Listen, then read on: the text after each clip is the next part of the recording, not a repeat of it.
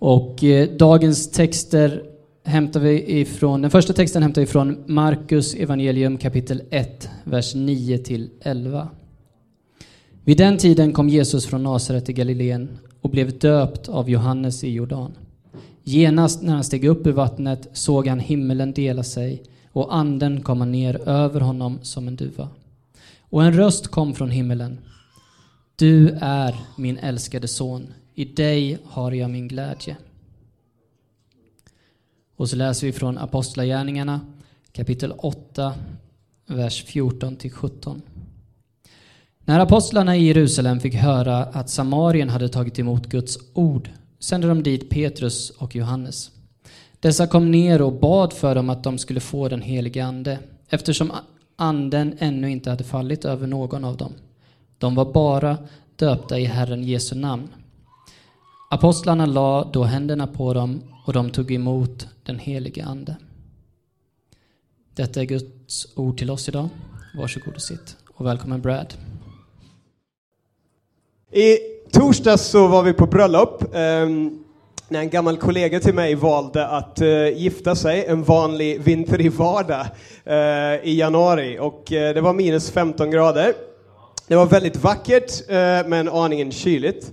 Och eh, ni vet hur det är med bröllop. Efter bröllopet så kommer bröllopsfesten och eh, ni har nog varit med om det här med bröllopsfest. Alla ska hålla tal, alla ska göra sketcher. Eh, det brukar variera ganska mycket. Eh, vi hade en extremt rolig kille, som eh, en 30-åring som är forskare på ett universitet, eh, som har typ noll intresse för sport och all slags fysisk aktivitet, som körde single ladies-dansen i en rosa linne med svarta tights.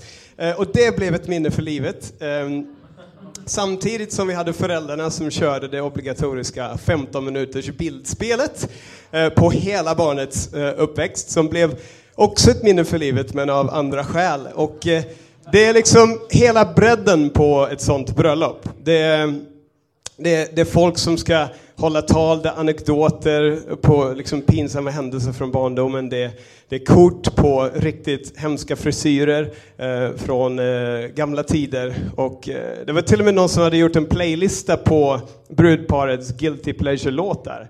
Eh, så det var liksom allt från Thomas Ledin till ACDC till eh, Spice Girls eh, i bakgrunden när vi hade den här festen. Och grejen är att en av de här personerna har jag jobbat med i tio år.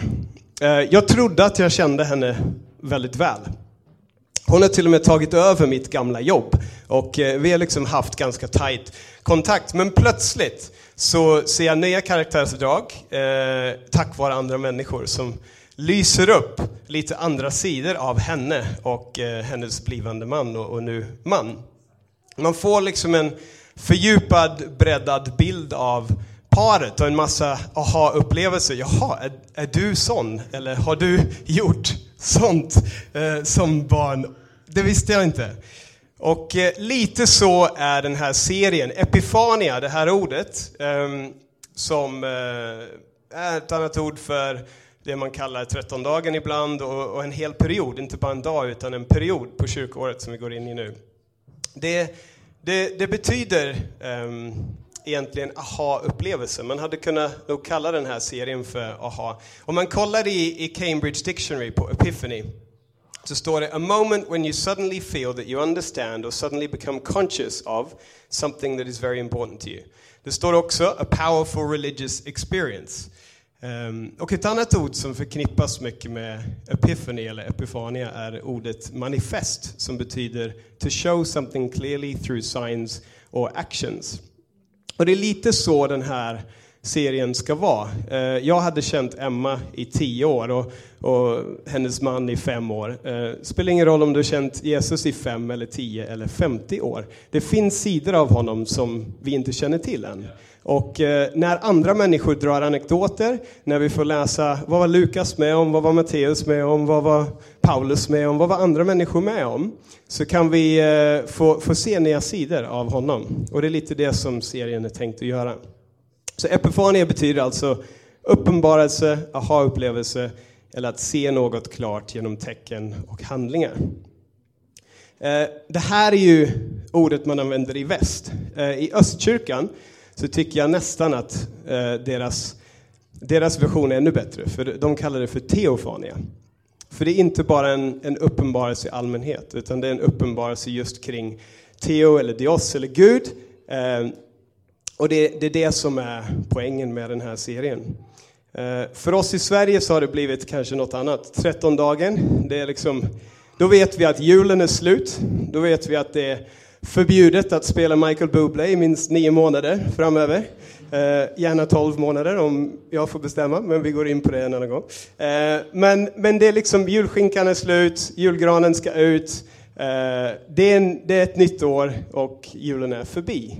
Men tidigare så har man, eh, man har haft andra associationer. Och Epifania är äldre än själva julen, så att man har liksom firat det här även innan det fanns julgranar och Michael Bublé och sånt. Och eh, vi ska titta lite kort på vad är det innan vi går in i, i dagens tema. Så det är tre huvudgrejer som man brukar ofta lyfta. Eh, om vi ska belysa, i ditt ljus ser vi ljus är liksom titeln på serien. Om vi ska belysa olika delar av Jesu liv så använder vi grejer som han var med om eller gjorde. Och de tre huvudgrejerna, i väst så brukar man förknippa det med de tre visa männen som kom med gåvor eh, till Jesusbarnet. Och i öst, istället för att förknippa det med början på hans liv, så förknippar man det snarare med början på hans tjänst, 30 år senare. Och då är det två huvudupplevelser, det är, eller händelser. Eh, det är Jesu dop, som är dagens ämne. Eh, och det är eh, även det här bröllopet i Kana, där Jesus förvandlar vatten till en Cabernet Sauvignon eller en Merlot eller vad det nu var. Något, fin, något fint vin. Första miraklet, hans dop, två saker som hände i början på hans, hans tjänst. Eh, och varför lyfter man de här berättelserna? Han gjorde massa saker, men de här belyser olika saker hos honom. Och genom honom belyser de saker hos Gud som visar lite mer av vem, vem Gud är. Eh, och ett centralt tema är just ljus. I ditt ljus ser vi ljus. Eh, att vi blir ljus, men också att vi får se nya saker hos honom. Så lite kort innan då vi går in. Om man kollar på kyrkoåret, advent och jul, det handlar om en, en resa. Det pekar på resan fram till Jesu födsel. Och eh, om man kollar på fastan och påsk så är det en annan resa. Det är resan fram till hans död, början och slutet av hans liv. Problemet är, och hör mig inte fel nu, det är meningen att påsken och jul ska vara liksom de största högtiderna. För det är Gud inkarnerad och sen Gud dör för oss på ett kors och liksom frälsningen. Självklart ska vi fortsätta lyfta dem som väldigt höga, viktiga händelser. Men han levde i 33 år däremellan. Och det är väldigt lätt att man glömmer stora delar av den sträckan. Från födseln, inkarnationen och, och döden och liksom frälsningsgärningen på korset. Eh, och det är det som är liksom arbetsbeskrivningen som Epifania har fått. Att ja, men lyfta lite grejer som händer däremellan. Är ni med? Låter det spännande? Bra. Ehm, så vi ställer oss frågan, jag har formulerat den så här. Vilka sidor av Gud och vilka saker hos Gud ser vi manifesterade när vi zoomar in och tittar på Jesu undervisning, berättelser och handlingar? Är ni med? Det är lite det som är poängen i åtta veckor framöver. Vilka saker ser vi i hans liv? Eller om man ska liksom bena ut lite mer, undervisning, berättelser och handlingar. Det är en säsong då vi kan reflektera över saker som hur lägger vi märke till och hur ser vi Gud manifestera sig i våra liv? Vissa människor såg eh, en stjärna på himlen och det såg massa andra också, men de såg mer än vad alla andra såg. De la märke till någonting. Är ni med? Lärjungarna, de valde att följa honom, de såg någonting. Många andra hade sett honom också, men de såg någonting och la märke till någonting. Att Gud är i görningen här, det händer någonting här. De, var liksom, de rattade in någonting som inte andra gjorde. Så hur gör vi det? Vilka gåvor har vi, precis som de tre vise männen, som vi kan ge till Gud och även ge till andra? En annan fråga, på vilka sätt bjuder vi in andra i våra liv och på vilka sätt bjuds vi att öppna våra liv, precis som Jesus gjorde för andra? Det är lite det vi kommer titta på. Men dagens tema är Jesu dop i Eh, i Matteus, eh, som är kyrkoårstexten, eh, eller Markus, men vi kommer också titta i Matteus. För kyrkoårstexten är ganska kort, det är några verser och man, man får inte reda på så mycket. Kollar vi i Matteus så får vi lite mer detaljer, men fortfarande inte massor. Men vi ska titta lite på det. Men det här är en av fem, eller, ja, fem huvudmilstolpar i evangeliernas berättelse om Jesu liv. Så man brukar säga Jesu dop, Jesu förklaring på förklaringsberget, korsfästelsen, uppståndelsen och himmelsvärlden. Det är liksom fem stora milstolpar. Ska vi läsa Matteus? Få se lite mer bakgrund om den här märkliga mannen med kamelhår och fickorna fulla med gräshoppor och honung och grejer. Eh, Matteus 3 och 1. Vid den tiden trädde Johannes döparen fram och förkunnade i Judeens öken och sa omvänd er, himmelriket är nära. Det var om honom sades, det sades genom profeten Jesaja. En röst ropar i öknen, bana väg för Herren, gör stigarna raka för honom. Johannes hade kläder av kamelhår och ett läderbälte runt midjan och hans mat var gräshoppor och vildhonung. Folket i Jerusalem och hela Judeen och hela Jordanområdet kom ut till honom och de bekände sina synder och döptes av honom i floden Jordan. Om vi hoppar fram då till vers 11 så står det så här. Jag döper er i vatten till omvändelse. Så det är ett omvändelsedop där, ett omvändelsedop. Men den som kommer efter mig är starkare än jag och jag är inte ens värdig att ta av honom sandalerna. Han ska döpa er i heligande och eld. Och så spolar vi fram ett par verser till vers 13 och kollar på själva texten om hans dop som är dubbelt så lång ungefär som den andra men fortfarande ganska kort. Då. Vers 13 fram till 17. Sedan kom Jesus från Galileen till Johannes vid Jordan för att döpas av honom. Men Johannes försökte hindra honom och sa Jag behöver döpas av dig och du kommer till mig. Jesus svarade honom Låt det nu ske det är så vi ska uppfylla all rättfärdighet. Då lät han det ske. Jag läser om den versen, för den kommer vi tillbaka till. Låt det nu ske. Det är så vi ska uppfylla all rättfärdighet. Då låt han det ske, lät han det ske. Och 16-17. När Jesus hade blivit döpt steg han genast upp i vattnet. Då öppnades himlen och han såg Guds ande sänka sig ner som en duva och kom över honom.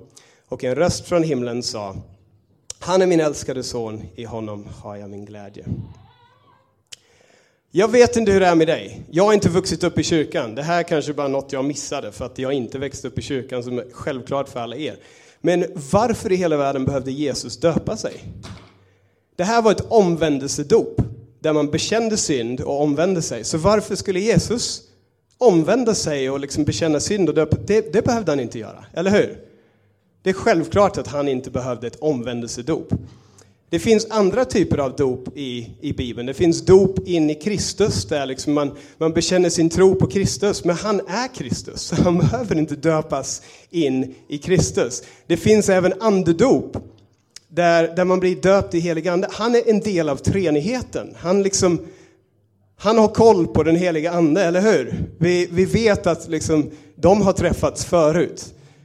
Och så behöver han ändå liksom det här, duvan kommer ner och så vad är det som händer? Varför behöver Jesus döpa sig? Varför har han gått till Johannes? Va, vad händer? Och varför låter han? Han är den enda människan någonsin som är helt syndfri och han låter en syndig människa döpa sig, döpa honom. Visst är den, ni kanske sitter på svaret allihopa, men det, för mig blev det så här, vänta nu, vad, vad händer här när jag börjar läsa om det här? Och vi får tyvärr inte riktigt så en tiopunktslista med svar. Vi får liksom en mening som Jesus ger oss. Men vi får också lite kontext från andra delar av, av ordet och vi kommer titta på några svar och några tydliga takeaways. Eh, men även några observationer. Och, och jag vill äga de resterande minuterna åt den stora frågan, vad kan vi lära oss från Jesu dop? Och vad ska vi göra med det vi lär oss? Det kan vara bra att ställa sig den frågan. Vad kan vi lära oss av det här dopet? Och vad ska vi göra med det? Och har vi tur så kan vi svara på varför han döpte sig också. Eh, så den första eh, av två delar kan man säga. Vad ser vi hos Jesus i den här berättelsen? Och vad kan vi lära oss här? Det finns jättemycket att hämta, självklart. Det finns eh, många poäng man skulle kunna dra, men jag vill titta på tre observationer. Och det första är, vi ser ett identitetsbyte i det här dopet. Här i fickan har jag ett körkort. Jag har även den på skärmen ifall ni inte ser. Eh, är det någon som har ett sånt här körkort? Någon som inte, nej jag behöver inte fråga. Eh, någon som har en fru som inte har körkort, som borde ha, nej ska jag. Eh, vi tar den en annan gång. Ehm, det här är inte bara ett körkort, utan det är en identitetshandling. Det visar vem jag är. Det står vad jag heter, eh, det står inte jättemycket mer, men personnummer lite sånt där. Ni ser att ni kan gratta mig snart, jag fyller jämt.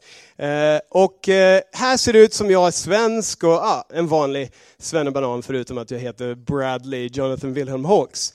Allt är i sin ordning och det är min identitet. Det är bara det att jag har ett körkort till här. Från Australien. Och jag har kört, så här, visat mina pass förut, men nu tänkte jag den har jag tagit förut, så nu kör jag körkortet. Eh, och här har jag lite annan hårfärg, lite annan skägglängd. Eh, den är bak och fram, så att det är ännu svårare att läsa, men det är för att Australien är upp och ner och så. Eh, det är en helt annan, eh, helt annan adress. Eh, de har glömt ett av mina namn, det står bara Bradley Jonathan Hawks. Men det är så typ samma snubbe, men eh, det är ändå en annan person, för att han är Ossi och han bor någon annanstans. Och om sanningen ska fram, så ska man inte ha två körkort. Eh, utan eh, det här, att jag har kvar det här som jag skaffade när jag var 17, fast jag har bott här i 20 år nu, eh, hänger ihop med att jag har kvar en adress där och jag åker dit ganska ofta. Men eftersom det här spelas in så ska jag inte prata om liksom hur reko det är att ha kvar det, eller så. Men jag har i alla fall två körkort. Men normen är att du byter.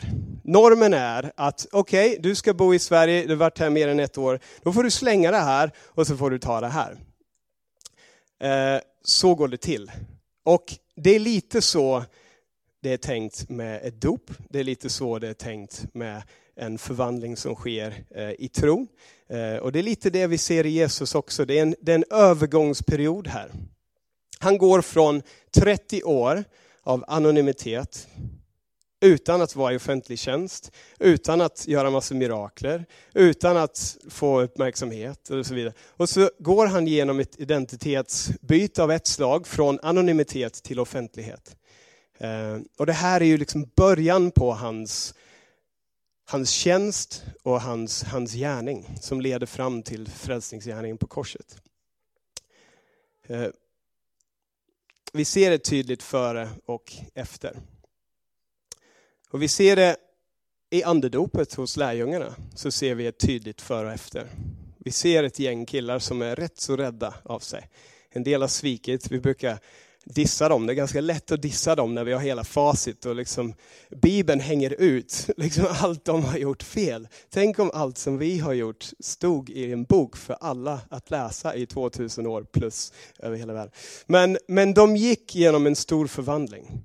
Från ett gäng fegisar, om man ska vara riktigt liksom, taskig, till ett gäng riktigt frimodiga eh, hjältar för att de hade den helige Ande med sig. Så dop det, det, det, innebär ett identitetsbyte. Och så är det även med dopet som Jesus instiftar.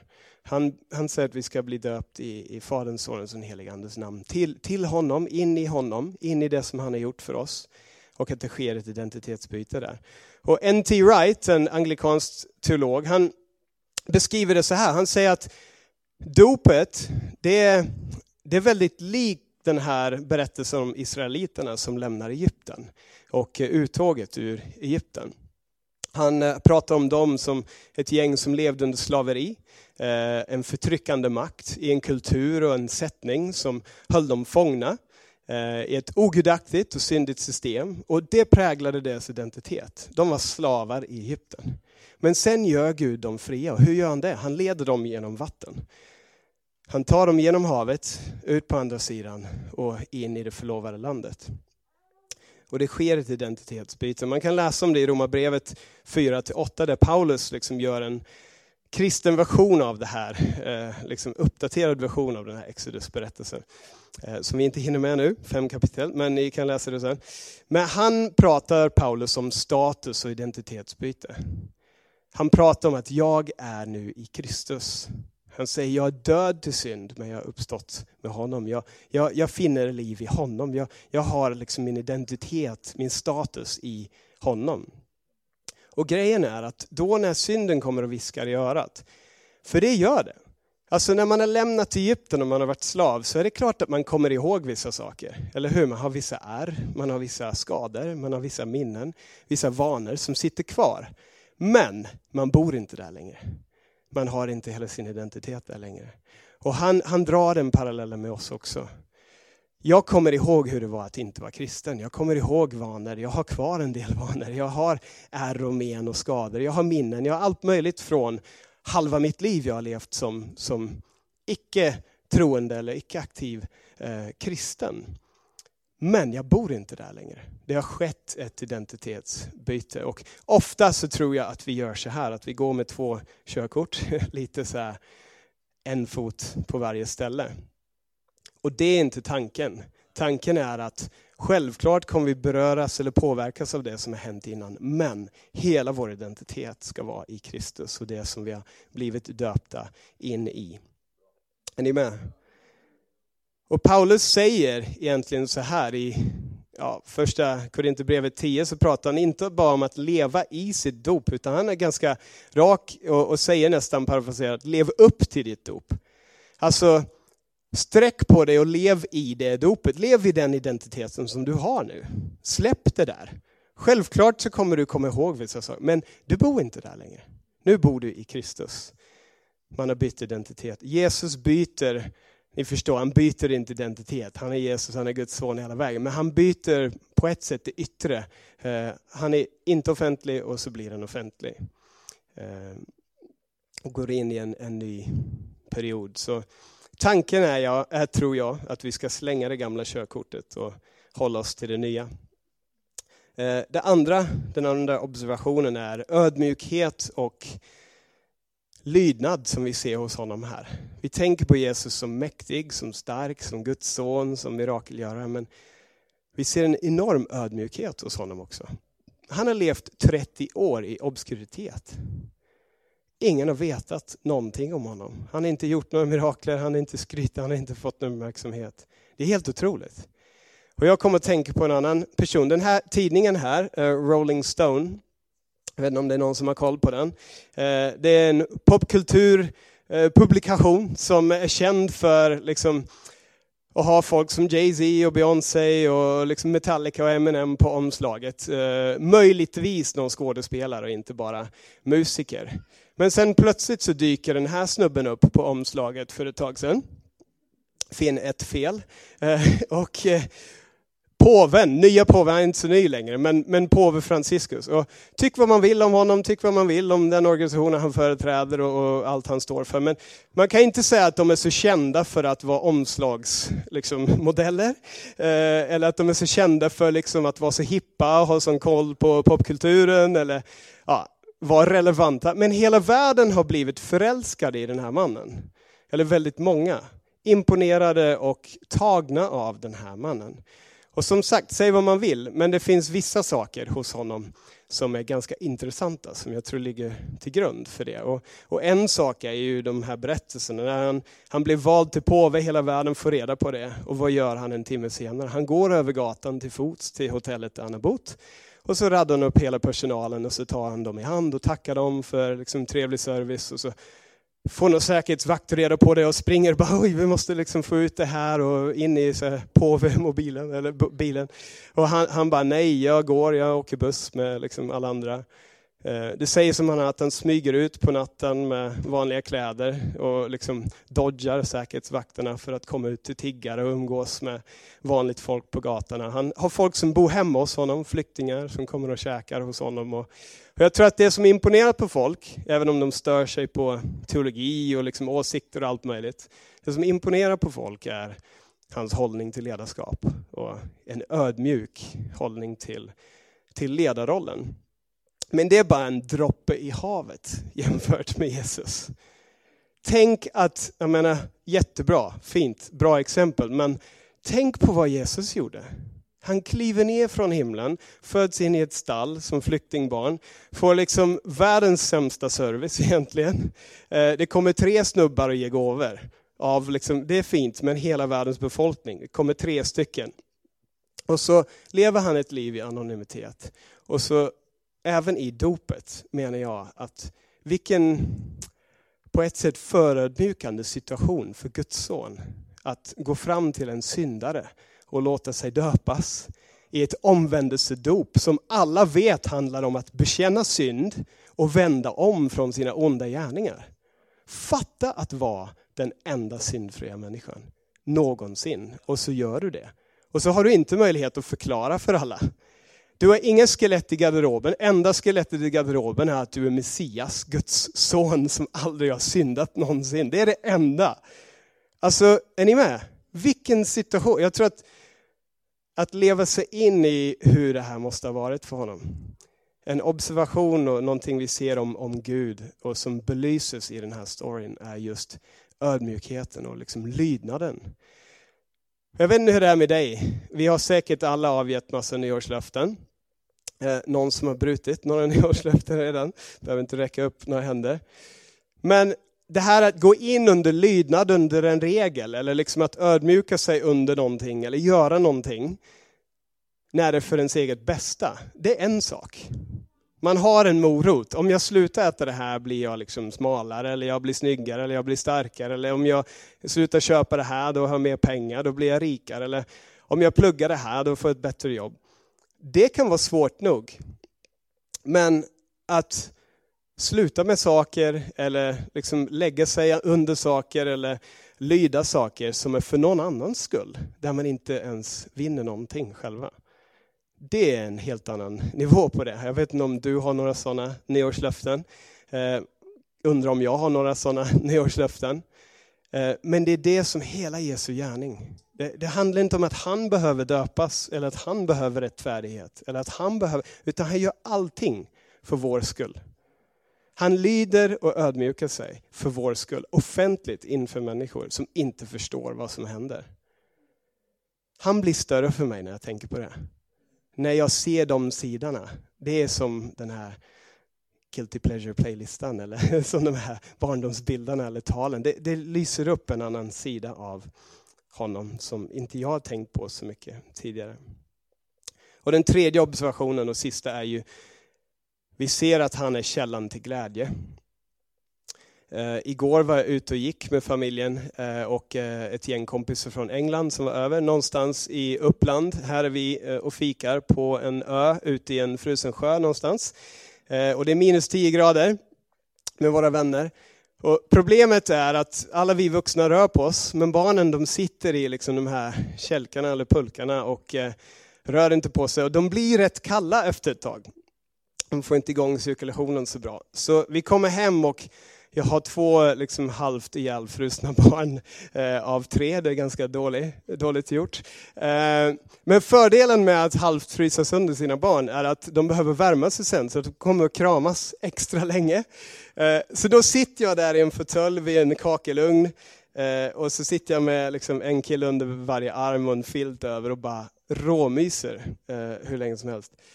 Och då slår det mig, jag fick som en liksom, aha-upplevelse eller en teofania tillfälle, eller vad man nu ska kalla det, där jag liksom fattar Guds glädje och kärlek till Jesus Kristus. Inte bara till oss, utan till, till Jesus.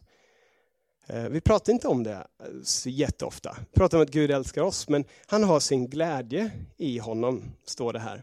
Vi läste det tidigare. I honom har jag min glädje. Jag tror att det lyser upp någonting som även vi bör göra och bör ha. Finns inte glädje i dina nyårslöften, även om de är jättebra och du ska hålla dem och liksom göra ditt bästa för att bli lite mer lik honom. Eh, men glädjen är inte i våra ansträngningar. Glädjen är i Jesus. Till och med för Gud själv. Kanske någonting vi behöver tänka på. Det är tre observationer, men vi har fortfarande inte svarat egentligen på frågan varför behövde Jesus döpa sig? Varför behövde han döpa sig? Vi har snuddat vid det, men det står för att uppfylla all rättfärdighet. Det är det enda svaret han ger till Johannes. Och den finns bara i Matteus. Läser du Markus eller någonstans så får du inte fram det. Men det är det enda vi kan liksom hitta just i den texten. Och på ett sätt är det här dopet ett Johannesdop.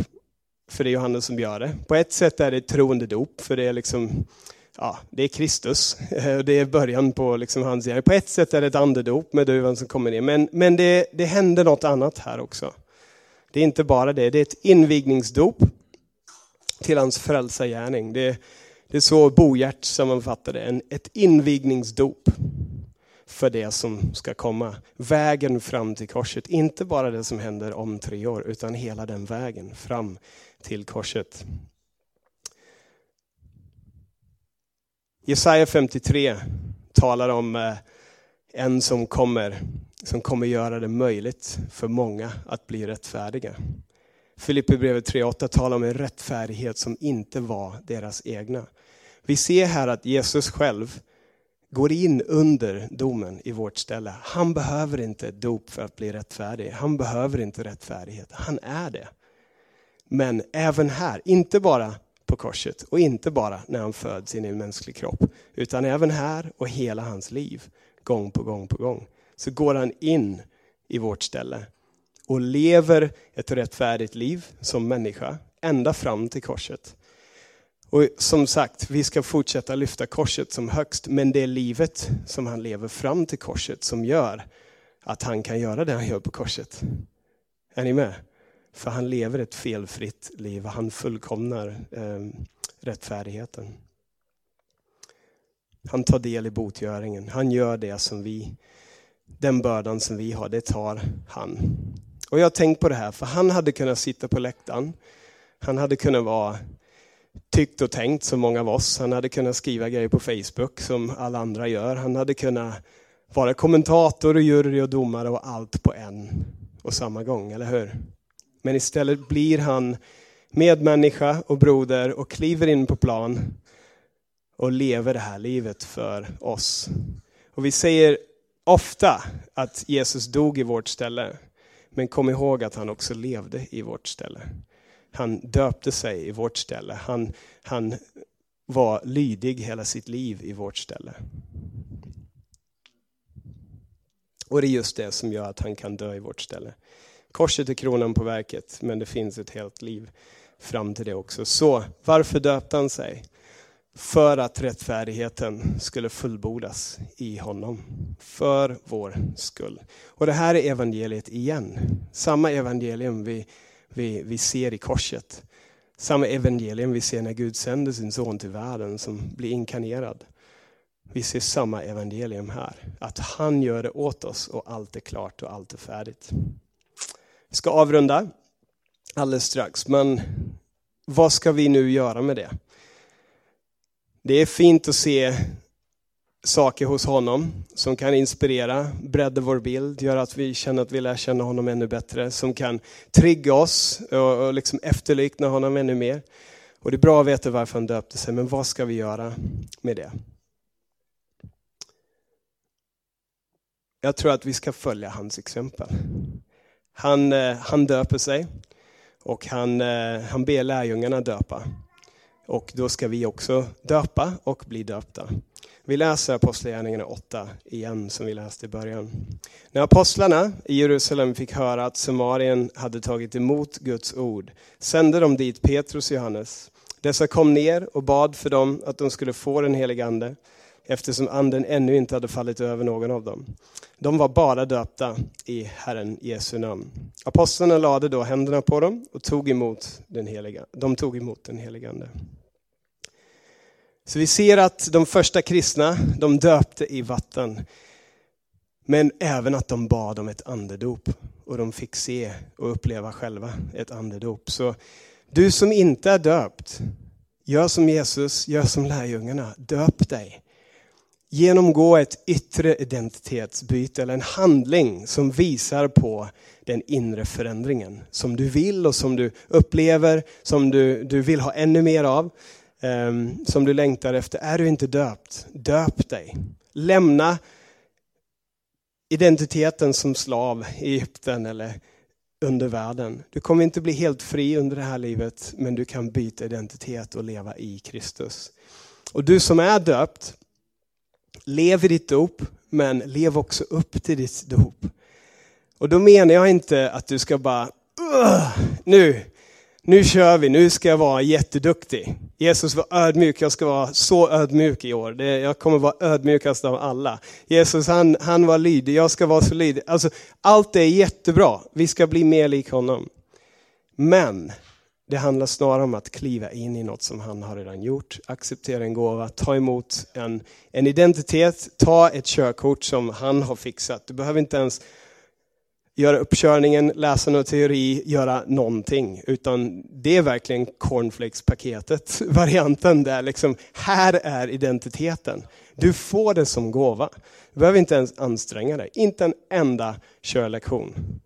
Det är det som är evangeliet.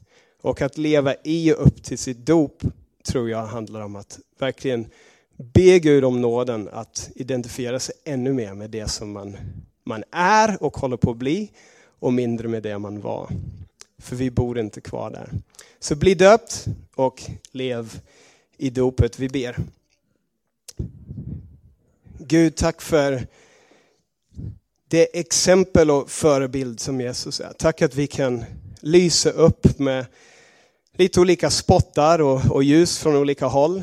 Eh, genom olika skildringar och olika personers ord och tal och berättelser om honom så kan vi se mer av vem han var och mer av vem du är. Och Gud, jag ber att hela den här serien ska kunna vara en, en vandring med dig, där vi får lära känna dig bättre, där vi får se ännu mer av vem du är, där vi får se beröringspunkter mellan ditt liv och våra liv, där vi får efterlikna dig ännu mer och bli mer förälskade och förundrade över den du är, dina karaktärsdrag och och ditt sätt att leda och leva. Och Gud, låt oss verkligen få se fler detaljer. Fler personlighetsdrag, fler karaktärsdrag, fler sidor hos dig Gud. Genom Jesus och genom det han gjorde. Men Gud, låt oss inte bara göra det här till en, en studie där vi, vi lär oss mer om dig och där vi i egen styrka försöker vara mer lik dig. Utan Gud, låt oss inse vilken enorm gåva frälsningen är, vilken enorm gåva rättfärdigheten är. Vilken enorm gåva som du har gett oss med en helt ny identitet. Och Gud, hjälp oss på olika sätt att bara ta steg och kliva in mer i den att bo i den. Inte bo halvt någon annanstans och halvt i dig, utan kliva in i, i Kristus. Ta emot din nåd. Gud, jag ber för den som behöver en aha-upplevelse, som behöver en uppenbarelse, som behöver en epifania-upplevelse, Gud, där de får, får se dig klarare och tydligare. Låt det ske idag, låt det ske under den här serien. Och så ber jag för den som inte är döpt, att de ska döpa sig. Att du kallar på dem Gud och att de får, får uppleva gåvan som är dopet i Kristus. Och Gud hjälp alla sådana att leva i och leva upp till våra dop. I Jesu namn.